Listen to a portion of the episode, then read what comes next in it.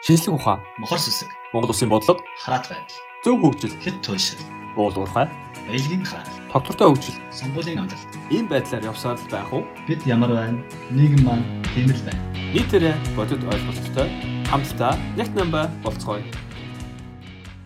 За сайн байцгаана уу? Энэ сайхан өдрийн мэндийг та бүхэнд бид хоёрын зүгээс хүргэж байна. Бид хоёр анхныхаа нэвтрүүлгээр өнөө та бүхэнтэй Герман улсын чулуун нөөцний үйлдвэрлэлийн хөгжлийн түүхийн талаар ярилцахаар одоо энд уулзаад байна. Юун төрөнд хамтан хамтран ярилцах анхаагаан та бүхэнтэй танилцуулахыг хүслээ. Анх хоёр маань бол Дархан хотоос Дархан хотод 10 жилээ төгсөөд Улаанбаатар хотод ухааны технологийн сургуулийн уул уурхаан сургуульд уул уурхаан маркшедер мэрэгчлэр суралцж агаад Герман улсын Фрайберг хотын уул уурхаан академийн дэргэдэх техникийн сургуульд уул уурхаан маркшедер мэрэгчлэр үргэлжлүүлэн суралцаж дипломын зэрэгтэйгээр одоо төгссөн байгаа. Дипломын зэрэг гэдэг маань бол Монголын Монголын магистрийн мэрэгчлэлтэй дүүцгүүц магистрийн зэрэгтэй бол дүүцгүүц ийм зэрэг байж байгаа.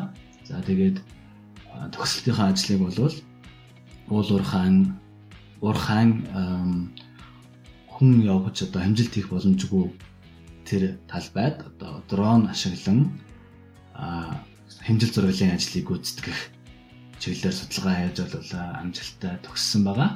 Одоогор бол Герман улсад төмөр замын компанид төслийн болон одоо хамжил зүүн инженер гэсэн тушаалтай ажиллаж байна. Баярлалаа Эба. Мэдээж энэ түрүүнд би бас Эбага танилцуулъя. Манай Эбагийн бүтэн дээр нь Бямбын Эрдэнэ Баатар Дорногоо аймагт төрж өсөөд сүүлд 10 жилээ хотод үргэсэн байгаа. 2005 онд Шүтисийн уулуурхаа Магшатай ангид 9 орж амжилттай төгссөн. Ташунд хэлэхэд бит хоёр хамт Шүтист нэг анги байснаар төдийгөө бас Герман авч сурнаа гэсэн нэг зорилготой байсан. Эба маань их сургуулаа төгсөөд Германы хөрөнгө оруулалт компанид ажиллаж байгаад холбооны бүгд найрамдах Герман улсын анх нутгийн их сургуульд Магшадрын ангид суралцаж хаагдсан далд уурхайн эрсдлийн судалгааны сэдвээр магистрийн ажил амжилттай хамгаалсан байгаамаа. Сургуулаа төгсөөд 2014 оноос хойш төслийн инженерээр CBM компанид одоо хүртэл амжилттай ажилласаар байгаа. Магадгүй зарим хүмүүс энэ компанийг Монголд мэдэх бах. Тэгээд Иба маань 2010 оноос хойш Германд байгаамаа да тий. Тийм одоо 2010 оноос хойш. Одоогоор л яг 10 жил. Харин тийм 10 жил болсон байна тий. Тэгээ хоёлоо өнөөдөр угаасаа уул уурхайн чиглэлээр ялангуяа далд далд уурхай буюу нүүр чулуун нүүрсний олборлолын ярих чинь тийм болохоор чи нэг хальт танилцуулаач Герман улс маань бас уул уурхайн чиглэлээр бас олон жилийн түүхтэй тэр утгаараа яг яаж анх үүсчихсэн те энэ уул уурхай гэдэг салбар тэгээ яаж явсан талаар нэг хальт танилцуулаач гоо. За тэгээ юун дөрөнд бол би нэг зүйлийг бол хэлхийг хүсэж байна. Ягаад гэхээр хүмүүс уул уурхай гэхээр саяхан үүсч хөгжсөн, саяхан бий болсон одоо магадгүй таван толгой, оюу толгоогоор төсөөлдөг бол оюу уул уурхай маань ерөнхийдөө бол маш урт удаан хугацаанд хүн төрлөختний одоо бүхэл хөгжлийн үед одоо дагалдаж ирсэн зүйл байгаа. Тэгэхээр одоо юу гэж ойлгох хэрэгтэй вэ гэхээр уул уурхай маань элс, шавар хайрга олборлохоос эхлээд уулнаас чулуу буулгаж ирэхээс эхлээд бүгдээрээ бол уул уурхайтай ордог. А мэдээж хэрэг тэрийг ямар эрчимтэй ямар хэлбэрээр явуулж байгаагаас хамаарат бол төрөл бүрийн одоогийн бидний мэдэх магадгүй уурхайнууд байх болно. Энийг их юм төрөнд дөрөвдөж хэлмээр байна. За тэгээд уул уурхайн түүх бол маш урт. Тийм болохоор Германы уул уурхайн анхны батлагдсан усүр гэх юм бол ерөнхийдөө 1300-аад оны үед тариаланчид одоо ингээд өвлийн цагт тариалангийн итгэхгүй үед одоо хоёр дахь санхүүгийн усүр болгож одоо юм нүүрсийг одоо ингэж хайж ухаж одоо зардаг байгаа. Тэр нь яагаад ийм байдалд хүрсэн бэ гэхээр ерөнхийдөө бол ой модныг ой модыг бол маш ихээр хэрглэж одоо шатааж их эрчим хүч гаргаж авдаг байсан. Эрчим хүч одоо дулааны их усүрэ хангадаг байсан бол тэр маань бол тэр үед ой мод бол их их хэмжээгээр багассан байгаа. Ой модны нөөц багассан гэсэн үг. Тэгэхээр ерөнхийдөө шин төрлийн ийм энерги их усүр хаах шаардлага бол гарч ирсэн. Тэр нь бол ер нь ерөнхийдөө нүүрс байсан. Нүүрсийг одоо ухаж гаргаад зардаг болсон. За ингээд явсаар агаад ерөнхийдөө 1800 оны үед одоо Англид үүссэн үйлдвэрлэлийн нэгдүгээр хувьсгалын бол гол тулгуур эрчим хүч гаргах зүйл нь бол гаргаж авчихсан зүйл нь бол ерөнхийдөө чулуун нөөц бол таарсан. нүүрсийг бол одоо ган хайлуулах машины хөдөлгөөр анхны тэр уурын хөдөлгөөрийг үүсгэхэд тэрийг ажилуулахад бол хэрэгжилжсэн. За ингээд тэр анх үүссэн хувьсгал маань бол Францаар дамжаад Германд бол 1830-аад оны үед бол орж ирсэн.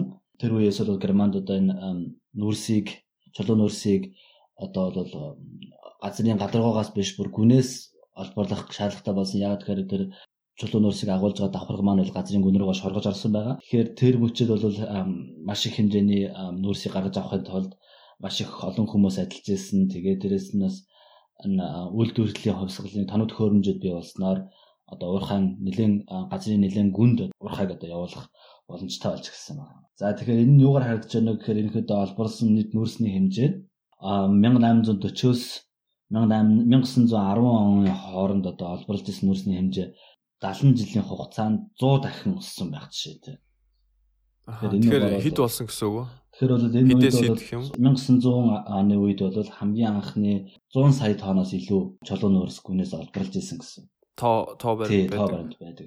Жилийн тий жилийн 100 энэ бол 1900 оны үед өнөөдөө бас яаж ингэж өсрөнгөө хурдан хурдтай өсгөж чадсан бай гэхээр олон хүн ажиллахаас гадна одоо техник технологиуд механикч эхэлсэн байна. Тэгэхээр уурхайчд бол өмнө хүр зураад үздэг байсан бол энэ хэсгэлээд бас юм даралтад мөрөмдлөгийн машин хэрэглэх эсвэл тээврийг тээврэндээ болохоор янз бүрийн тийм жижиг вагончгийг ашиглах мөн одоо ус шавхах үйл ажиллагаанд бол янз бүрийн юм насоосуудыг ашиглах боломжтой болж эхэлсэн. Тийм учраас бол ажлын бүтээмж бол маш хурдцтай өссөн байгаа юм. Тэгээ 1910 он гэхээр би нэг юм санаанд орлоо л да. Монгол улс ер нь уул ухаа уул ухаан чиглэлээр хизээ үйл ажиллагаа явуулж ирсэн тий тэр талаар би нэг хальт судлаа л гэсэн чи яхахгүй манайхан ингээд оюутлогоо таван толгоо ингээд юм том том уурханууд ингээд яриад байдаг болооч аль 1910-аад оноос хойш монголчууд манд уул уурхайн үйл ажиллагаа эхлүүлж ирсэн байлээ. Тэгээд тэр нь болохоор анх налаахад чулуу нүрс олдоод тэгээд тухайн үед бол олборлох үйл явц ихссэн байлээ. Тэгээд тухайн үед бол Оросууд, Хятадууд тэр үйл ажиллагаа явуулж ирсэн бол 1922 онд одоо тухайн үеийн засгийн газрын шийдвэрээр 1922 оны 12 дугаар сарын 25-ны өдөр налаахын энэ уурхайг улсын мэдэлд авч 12 ажилчсан цагаар эхэлжсэн байна. Тэгээд ер нь бол жилийн 800 тонн нүүрс олборлох боломжтой гэж үзэжсэн байгаа. Тэгээд дараа нь 1932 оноос ерөнхийдөө техник технологи сайжраад чиний хэлдгээр тэр нөгөө нөгөө шин техник технологи нэвтэрснээр ингээд механикч эхлээд 1973 оноос хойш 100% механикчсан тийм олборлолтын үйл ажиллагаа эхэлжсэн байлээ.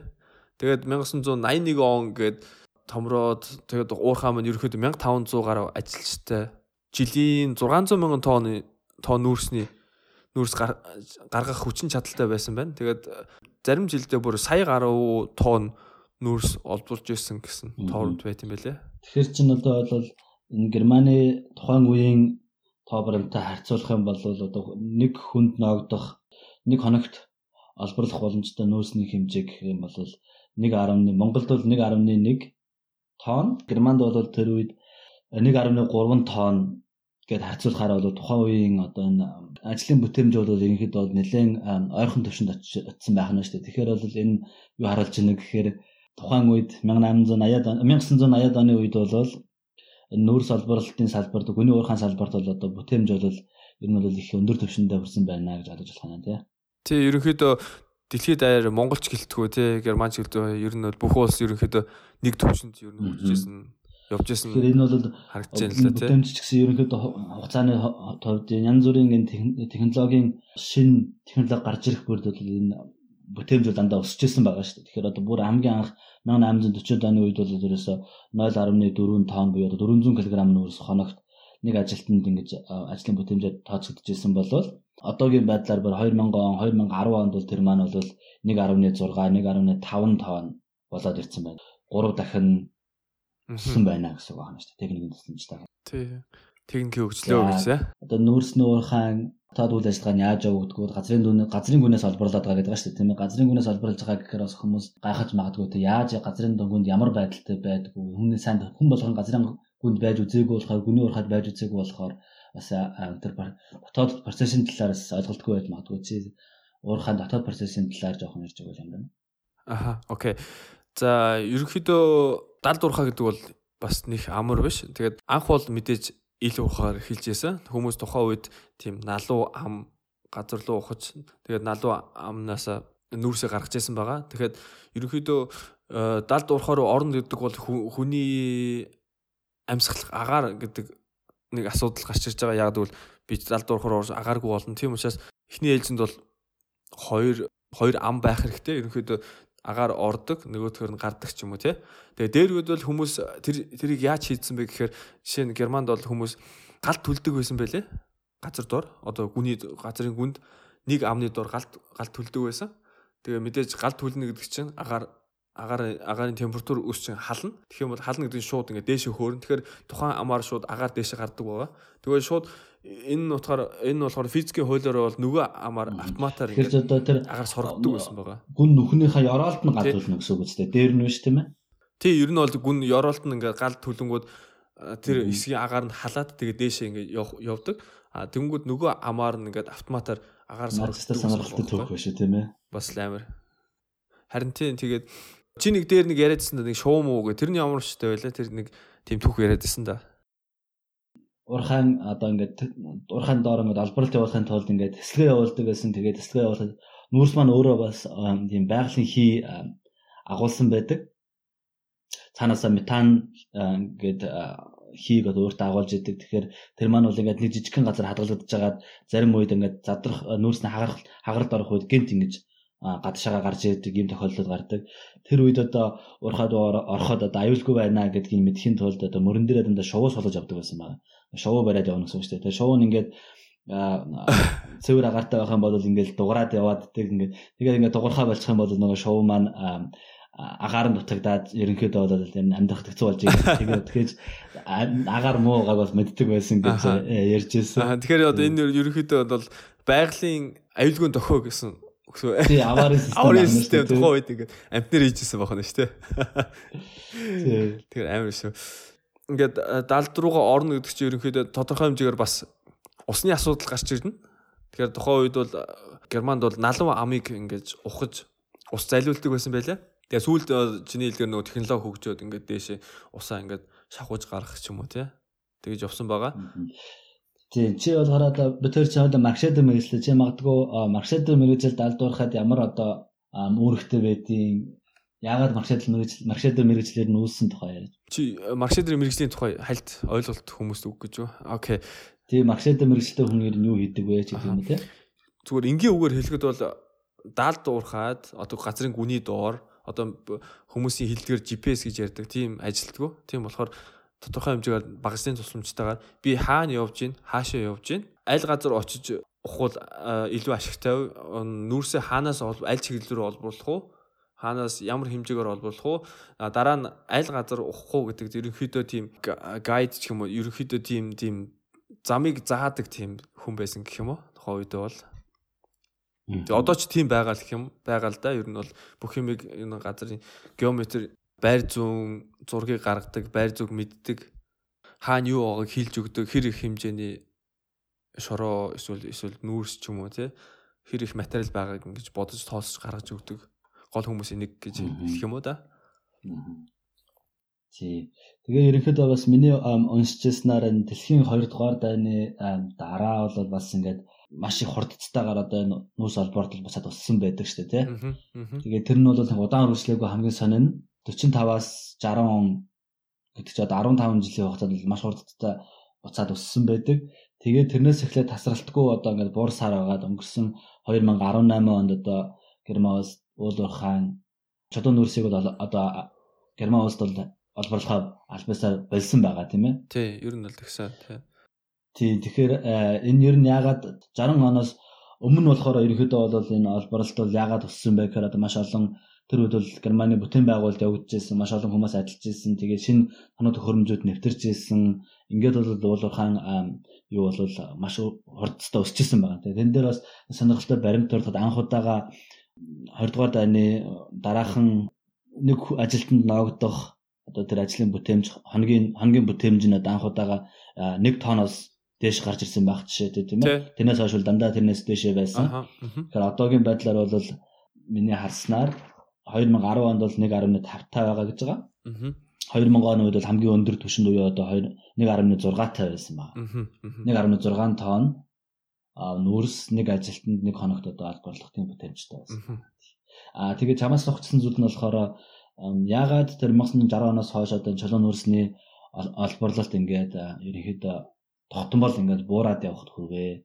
Ямар ямар одоо шалтгаан байсан болоо чи юу бодож байна вэ? Ер нь бол тухайн үед бол анх нөгөө нэг байгалийн хий газрын тос гэж шинээр гарч ирээд хүмүүс ашигладаг болоод тэгээд нэлийн хэм дунтай хэм үнтэйгээ зарж ихсэн.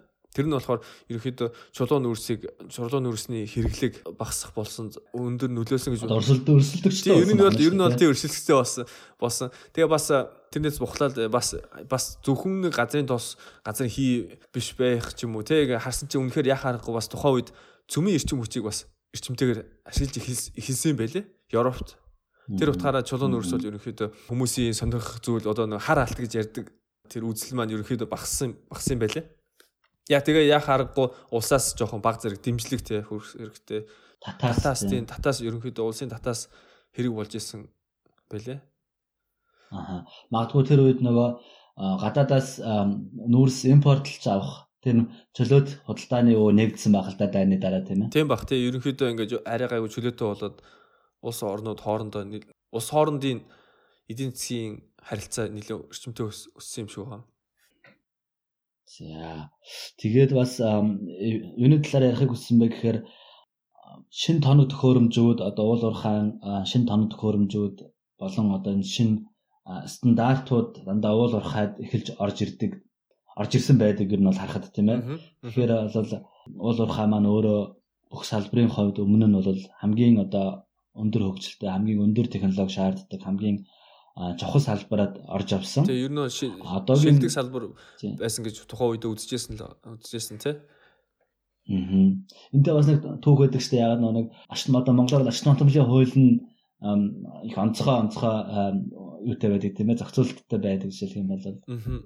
Тэгээ яг харахгүй тий уулуур хаан тусгай бүр хуультай байсан тий. Тэр тэгээ тэрнийгээ дагаад уулуур хаан аюулгүй ажилласгаа гэдэг нэмэгдэж эхэлсэн ажил нөгөө ажилчдын аюулгүй байдал те тэр талаар нэмэгдсэн гэж тэр талаар нэг тодорхой ярьж өгөө нэрээ.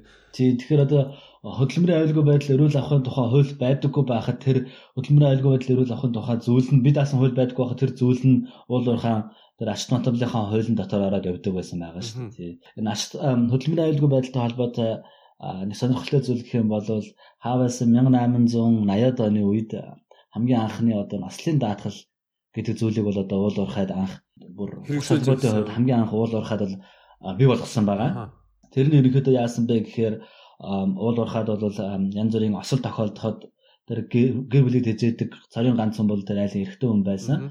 Тэгэхээр осол гарсан тохиолдолд тэр ар гэрх хүмүүсүүд одоо тэжээгчээ алдаж одоо ямар ч санхүүгийн хувьд одоо маш хүнд байдалд орох тийм байдалтай байсан. Ийм байдал үүсчээсэн учраас ерөнхийдөө уурхайн адилчид болон тэр салбарын хүмүүс ярилцаад за бүгдээрээ өөрсдийнхөө цалин дээрээс болон одоо ажиллагчийн зүгээс тодорхой хэмжээний мөнгийг энэ сан үсгээ тэр сандаа цоглуулад тэгээд хин нэгэнд нь янз бүрийн тохиолдох юм бол тэр хүний ар гэрийнх нь ар гэрт нь одоо ажиллаж чадахгүй байгаа хугацаанд нь эсвэл бүр нас орсон тохиолдолд тэрний гэр бүлд нь одоо ийм дэмжлэг болгож ингэж өгчөөя гэдэг байдлаар хамгийн анхны энэ ослын даатгалын сан гэдэг юм ууссан байна. Монголд бол нийгмийн даатгалын сан гэдэг нэрээр явдаг. А энд бол ослын даатгалын сан буюу одоо ослын гинтээ ослын даатгал салбарт байдаг. Ер нь бол тий, ер нь бол гинтээ ослын даатгалаа гэсэн.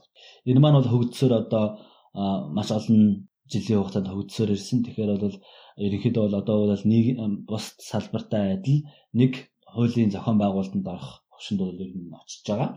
За тэгээд хөдөлмөрийн аюулгүй байдалтай холбоотой өөр бас нэг зүйл гэх юм бол уул уурхайн хөгжлийн бүхэл төвшөнд бүхэл хугацаанд уул уурхайд байж ирсэн одоо аюул ослуудын хэлбэрүүд өөрчлөгдөж ирсэн байна. За жишээлх юм бол янз бүрийн тийм том машин байдаггүй байх үед бол одоо осол бол яаж гардаг байсан бэ гэхээр хөл дээрээ юм гаах ч юм уу тийм ээ эсвэл одоо хурцныхаа эрэндээ гараа зүсэх ч юм уу юм жижиг осол хөнгөн осолд гардаг байсан бол а мэдээж тэрний тоо бол их байсан яг тэгэхээр олон хүн адилжсэн учраас тийм ээ тэгээ мэдээж зэрэг цаг хугацааны хавьд маш давчуу үед адилж ирсэн байна. А харин тоног төхөөрөмжүүд орж ирэх тусам одоо жишээлх юм бол тэр цохилтод өрөм орж ирэх үед ямар асуудал гарч ирсэн бэ гэхээр одоо энэ цоо шин төрлийн одоо энэ чичиргээний төрлийн мэрэгжлийн шалтгаалга өвчин үүсэжсэн мөн одоо тэр даралтад хийтэй холбоотой одоо янз бүрийн даралтын хоолой зохиулах ч юм уу те өөр төрлийн аюулууд шинээр үүсэн бий болсон байна. За ингээд явсаар хагаад сүүлдээ бүр гарч байгаа тэр физикийн гэмтлээс илүү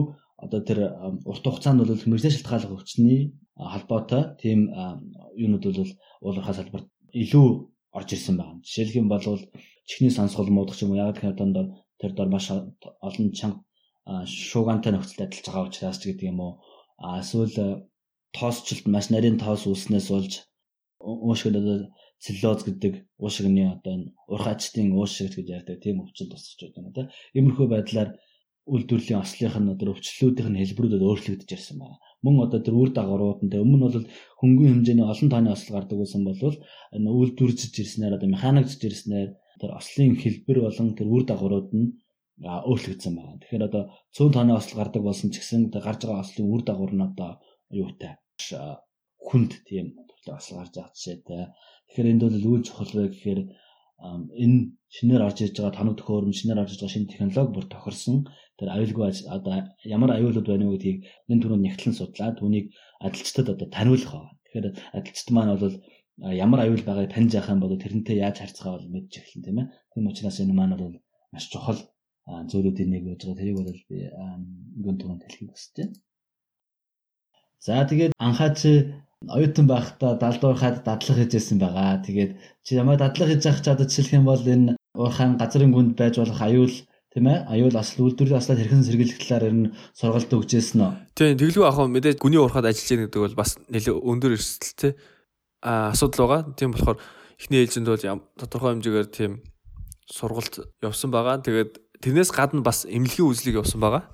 Мэдээж газар доо явж чадах уу те одоо удаан хугацаагаар алхаж чадах уу уушиг уушигны багтаамж хэр вэ гэх мэтлэнгээр тиймэрхүү юмнуудыг шалгасан байгаа. Тэр нь одоо ямар тусгай амьд шалгах уу эсвэл зүгээр эмч болгон шалгаж чадах уу? Аа ер нь бол миний бодлоор ер нь бол ерөнхий өрхийн эмч хүртэл шалгах боломжтой гэж бодож байна. Гэхдээ хамгийн гол нь мэдээж тухайн эмч нь юу шалгаж байгаа мэдж явах хэрэгтэй байх л та. Тий одоо янз бүрийн намайг одоо жишээ нэг юм багж үлээлгэжсэн. Үлээлгээд хэр их хэмжээний агаар үлээж чадсан, хэр их хэмжээний агаар сорсон гэд тэрийг нь бас хэмжижсэн. Тэгээ дээр нэмээд зүрхний цохилт сонсч исэн ерөнхийдөө хэвийн ингэж цохилж гинүүд ямар нэгэн байдлаар мэдээж гүн рүү орж ийн гэдэг чинь харанхуу те. Бас хүн болгон тэрийг бас хүлээж авч чадах уугүй юу? Бас сэтгэл санаа бэлэн үү ч юм уу те. Тэгээд бас дугуй унуулж яасан бас дугуй унд шалгуулж яасан шалгаж яасан тэгээ бодвол мэдээж доор ингээд ямар нэг юм болоход техник технологи ингээд ажиллахаа байлаа гэж бодоход яаж өөрийгөө аварч гарах тийм бие хүчний тийм чадвартай байна уу гэдгийг бас шалгаж яасан санагцсан Тэгээд чи дадлах хийж байхад ер нь газрын гүнд одоо чамд одоо ямар мэдрэмж төрж байсан хэдэн мянган метрийн хэдэн метрийн гүнд байсан? Тэгээд одоо уурхаагаас олборлсон нүүрсээр юу хийдэг талаараас жоохон дэлгэрэнгүй ярих байна. Аа тэгээ тэгээ. Ерөнхийдөө миний хийсэн сүлд хийсэн уурхаа мал ерөнхийдөө 1500 метраас 1500 метрийн гүнээс нүүрс олборлож исэн байгаа. Тэгээд ер нь бол нүүрсийг гаргаж ирээд шууд хэрэглэнэ гэж байхгүй тий баяжуулах хэрэгтэй.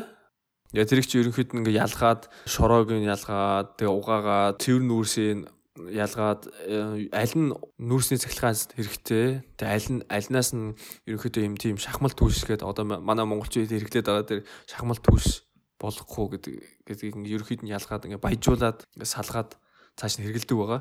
Тэгээ ер нь бол чулуун нүүрсэг бол бидний мэдхээр одоо энэ төмрийн төмөрлөгийн үйлдвэрт те гангийн үйлдвэрт маш ихээр хэрэгэлдэг байгаа. Чулуун нүүрсийг ашигладаг юм уу коксыг ашигладаг юм уу? Кокс нүүрс, кокс нүүрсийг ер нь бол илүү ашигладаг байгаа.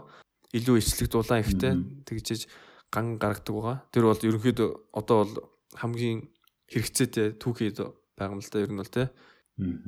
Тэгээ зарим уурхаа бол бас сонирхолтой санагдчихсан зарим уурхаа өөрсдийнхөө одоо энэ гүний нүүрснээс гарч байгаа метаны хийг сорж аваад өөрсдийнхөө цахилгааны эрчим хүчийг бас хангадаг байсан байгаа байлаа. Тэгэд мэдээж нүүрсийг гаргана гэдэг чинь ингээ газар дор бид нар тэгээд нүх ухаад ингээд тийм орон зайг үүсгэж байгаа. Тэг ер нь бол дижин гэдэг чинь ерөнхийдөө тодорхой хэмжээгээр суулт үүснэ гэсэн үг.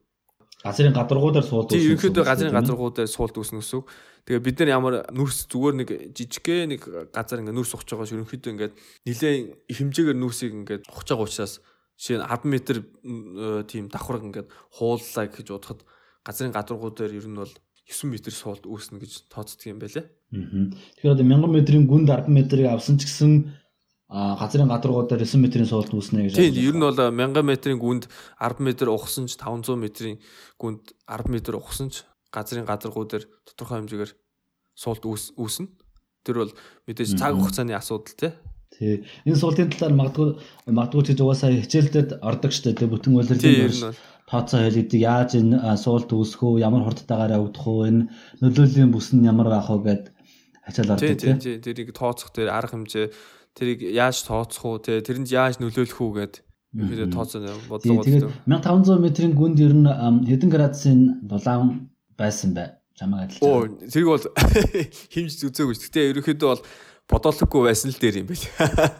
Маш халуун байсан. Тэгэхээр бол маш дулаан гэсэн үг. Тэрсэн гэхдээ агааржуулалтаа байгаа үед шүү дээ тийм ээ. Агааржуулалт байхгүй үед бол бүр хэцүү байна. Тийм ер нь бол тэр бол агааржуулалтаа үед л тийм тэгэж амар мэдрэгч байгаа. Тэгэхээр агааржуулалтгүй бол бүр тэрнээс илүү хална гэсэн үг л дээ. Тэр бол хэлж мэдэхгүй.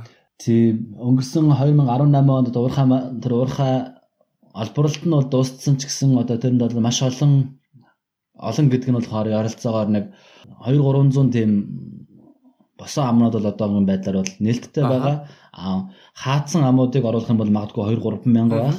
Тэгэхээр тэр олон амнуудын нээлттэй байгаа амнуудын тусламжтайгаар бол одоо тэр уурхайн гүнд байгаа тэр усыг үргэлж шавхаж яадаг. Тэр шавхаж байгаа нь бол одоо ингээд уурхай албарлахаа болцсон гэж ус шавхаа болчихно гэсэн үг биш. Тэгэхээр үргэлжийн одоо ер нь цаашаа хугацаанд одоо тэр бүх усыг шавхсаар л байх болно гэсэн үг байгаа байхгүй. Тэгэхээр түрүү чиний хэлснээр газрын гадаргуудаар ингээд суулт үүсгэхээр чинь одоо өмнө тэнд гол урсж исэн болоод тэр гол маань өөрийнхөө голдрлоор урсч чадхаа болцсон болчихно гэсэн үг байна шүү дээ тийм үү? Тийм тийм. Аа. Тэгэхээр тэр голыг урсгахын тулд одоо нөгөө нэг суудсан хэсгийг нь одоо хиймэл далан бариад ингээд өргөөд одоо голыг урсгахын тулд ингээд хиймлэр ингээд далан бариад нөгөө гол маань газрын гадаргуудад тэгшхэн биш өөр юм тусгай юм 70 дээгүүр орсдог болчихсон байхыг би харж байсан байхгүй. Чи юу гэж бодож байна? Хэрвээ тэр усыг шавхаа болчих юм бол одоо тэр уурхай байсан газарчууд ашаал маш олон хотод үүссэн хотод ингээд байгаа шүү дээ тий. Тэгэхээр тэнд юу болох вэ чи таамаг. Ер нь бол шавхаа болох юм бол хэцүү шүү дээ. Тэгээд зарим нэг хотод барыг усан доор орох байлгүй тий. Тэгэхээр ер нь бол анх чи ярьсан шүү дээ 1800-аад оноос ингээд хойш ингээд олборлоод явсан. Тэгээд ер нь бол ингээд олон жил газар тэр газрын гүний гүнийг ингээд ашиг гүнээс нөөцлөөсөн байгаа хөх. Тэгэхээр чи одоо ерөнхийдөө ер нь бол тийм таамаг байд юм байлээ. Ер нь бол 40-оос 50 м ер нь бол газрын гадаг суусан гэж үздэг юм байлээ. Анх байснаас. Хэрвээ одоо ингээд сорхой байчих юм бол зарим нэг хотод усан доор орох байхаа. Тийм болохоор тэрийг бол зогсооно гэж байхгүй. Ягаад гэвэл анх чиний э, чи ярьсан да анх 1800 оноос хойш ингээд ингээд үйл ажиллагаа явуулсан ба газрын гүнээс ингээд нүүрс гаргаад эхэлсэн тэр үеэс хойш тэгэхээр чи одоо тийм их хэмжээний орон зай ингээ газар дугаар үүсэн байгаа. Тэрний тэрнээс улбаалаад ингээд газрын гадарга нэлээ их суусан байна. Тооцоосноор бол ерөнхийдөө одоо энэ Nordrhein Westfalen гэдэг мууж байгаа шүү дээ. Одоо одоо германчуудын ярьж байгаа Google Bet гэдэг тэр бол ерөнхийдөө 40-с 50 м суусан байгаа байхгүй. Зарим нэг хот магадгүй те энэ ус усыг ингээ шавхаа болчих юм бол магадгүй усан доор орчих боломжтой. Тийм болохоор энэ бол тэгэхээр ч одоо нэлээ аюултай дээ. Тийм энэ бол хэцүү л дээ тий би бас сонсчихсон одоо юм тийм судалгаа явуулж байгаа юм байлаа.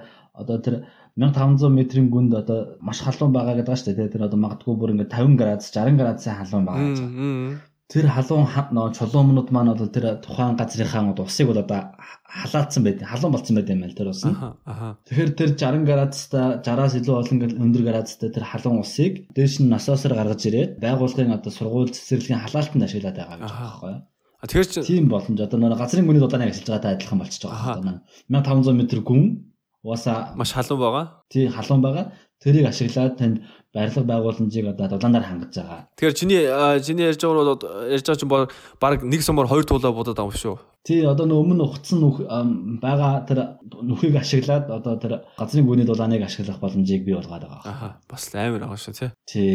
Энэ бол одоо нөө уурхаан хаагдчихсан ч гэсэн дараагийнх нь нэг төрлийн хэрэглээ гэх юм уу те дараагийн өөр нэг шатны хэрэглээ шийдлийг ингээд олоод ингээд хэрэгжүүлээ судлаад яваад байна гэсэн үг үү те Тий. Тэгээ ер нь бол мэдээж уул уурхаан чиглэлээр сурч байгаа тий сураад өгсөн тийм инженерүүд тэгээд тодорхой хэмжээгээр бас иймэрхүү мэдээллийг те бид нар бол ард иргэдээс ч юм уу бас энгийн хүмүүсээс нуух бол шаардлага байхгүй байх л та мэдээж те харин ч бид нар те энийг ингээд юу гэх юм одоо цаашид хэрэгтэй хүмүүс нь хилдэг ч юм мэдээлдэг ч юм уу те тий энэ нь бол угаасаа нээлттэй байх хэрэгтэй байна. Бүх хүмүүс мэдж байгаа хэрэгтэй.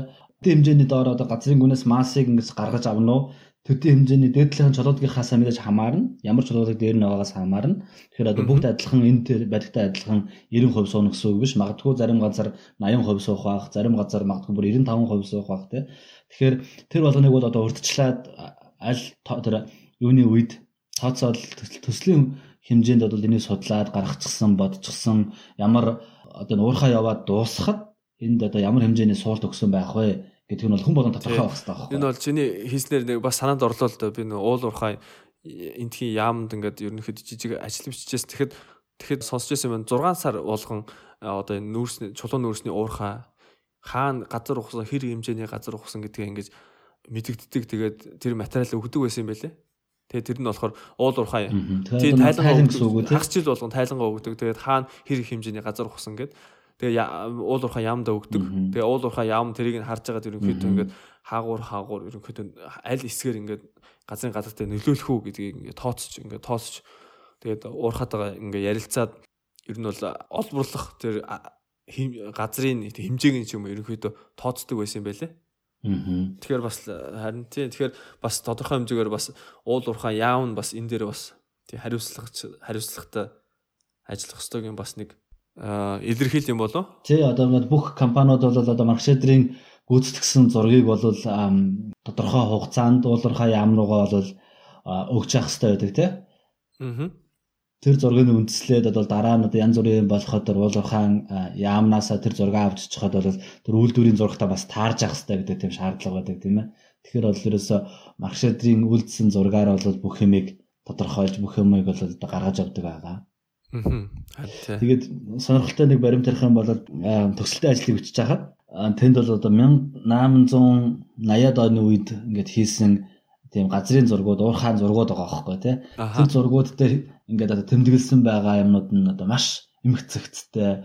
Бүр ингээд компьютероор гараар зурсан хэрнээ ингээд компьютероор зурчихсан юм шиг. Тийм гой зурагтай. Тэгээд тэр нь ингээд дараа нь ингээд яг энд байх хэвээр очиход яг тэр газараа тэр өмнө байсан одоо уурхаан амч үү юм уу? Эсвэл тэр уурхаан түнэл тий цэгүүд нь яг ингээд байх хэвээр байрда байж таарж байгаа байхгүй тийм. Тэр бол одоо бүр ингээд 100 100 хэдэн жилийн дараа ингээд очиход тэр газар очиход яг тэр байгаа байрлал нь тааж би бол бас л ингээд гайхаж ирсэн юм аслаа. Би ажил хийсэн байшаа гэж тий. Та ер нь бол нэгт юм байл хэлсэн байна л да ер нь бол тий. Тий.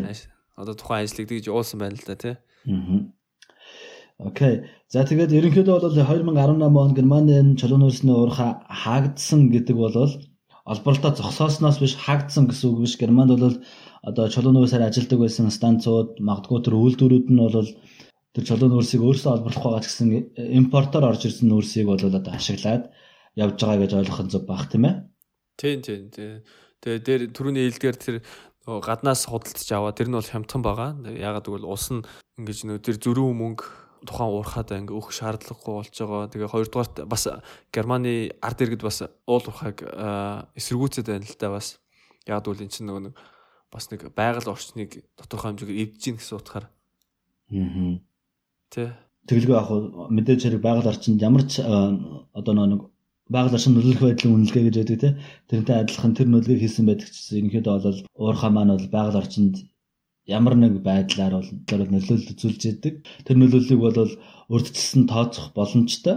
Яг тэгэхээр бол бүх тэр одоогийн шинжлэх ухаанд бол тэр нөөц боломж байгаа учраас тэр нөлөөллөөр тооцоод тэгээд тэрийг бол тухайн орчинд амьдарч байгаа тэр нөлөөллийн бүс амьдарч байгаа хүмүүстэй бол элен далангуй ярилцаж тэрнийг талаар харилцан тохиролцож хэн хэндээ одоо бол нээлттэй байдлаар ханддаг бас энэ энэ тхийн энэ системийн одоо хуулийнхын зохицуулалт нь бас их таалагддаг. Тийм магадгүй Монголд ч гэсэн тийм байвал бас сайн байх гэж бодож байна. Аа. Уул уурхай гэхээр бас сөргөөр авч болохгүй л да. Ягаад гэвэл хоёлыг ярьснаа тухайн үед бол үйлдвэрлэлийн шинжилэл те тухайн үеийн үйлдвэрчлийн хувьсгал мөсгөл үүсгэсэн тэр тухайн том салбар байсан. Тэгээ бас нэг тийм юу ээ тийм бэлээ тийм онигдоо маягийн юм шиг. Баян мууж байна шүү дээ. Одоо монголчуудын Бавария гэдэг мууж.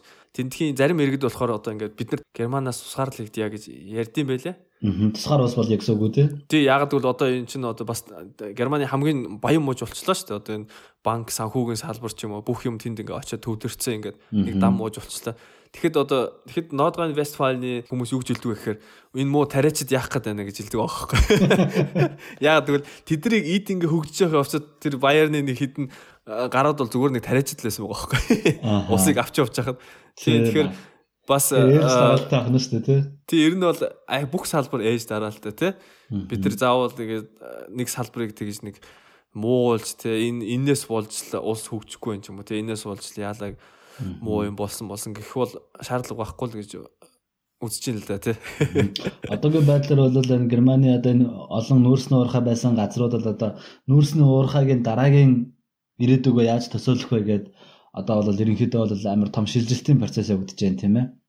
Тий, ерөнхийдөө тэнд уурхай байсан газар яа тэрийг яаж ашиглах уу, уурхайн барилга байгууламжуудыг ямар төрлөөр цааш нь ашиглах уу гэх мэтчлэн байдлаар маш их ажил хийгдэж бас энэ зэрийн юмнууд шин санаанууд төрж байна. Магадгүй дараагийн 100 жил, дараагийн 200 жилийн шин санаанууд тэнд төрөх байх гэж бодож байна билээ.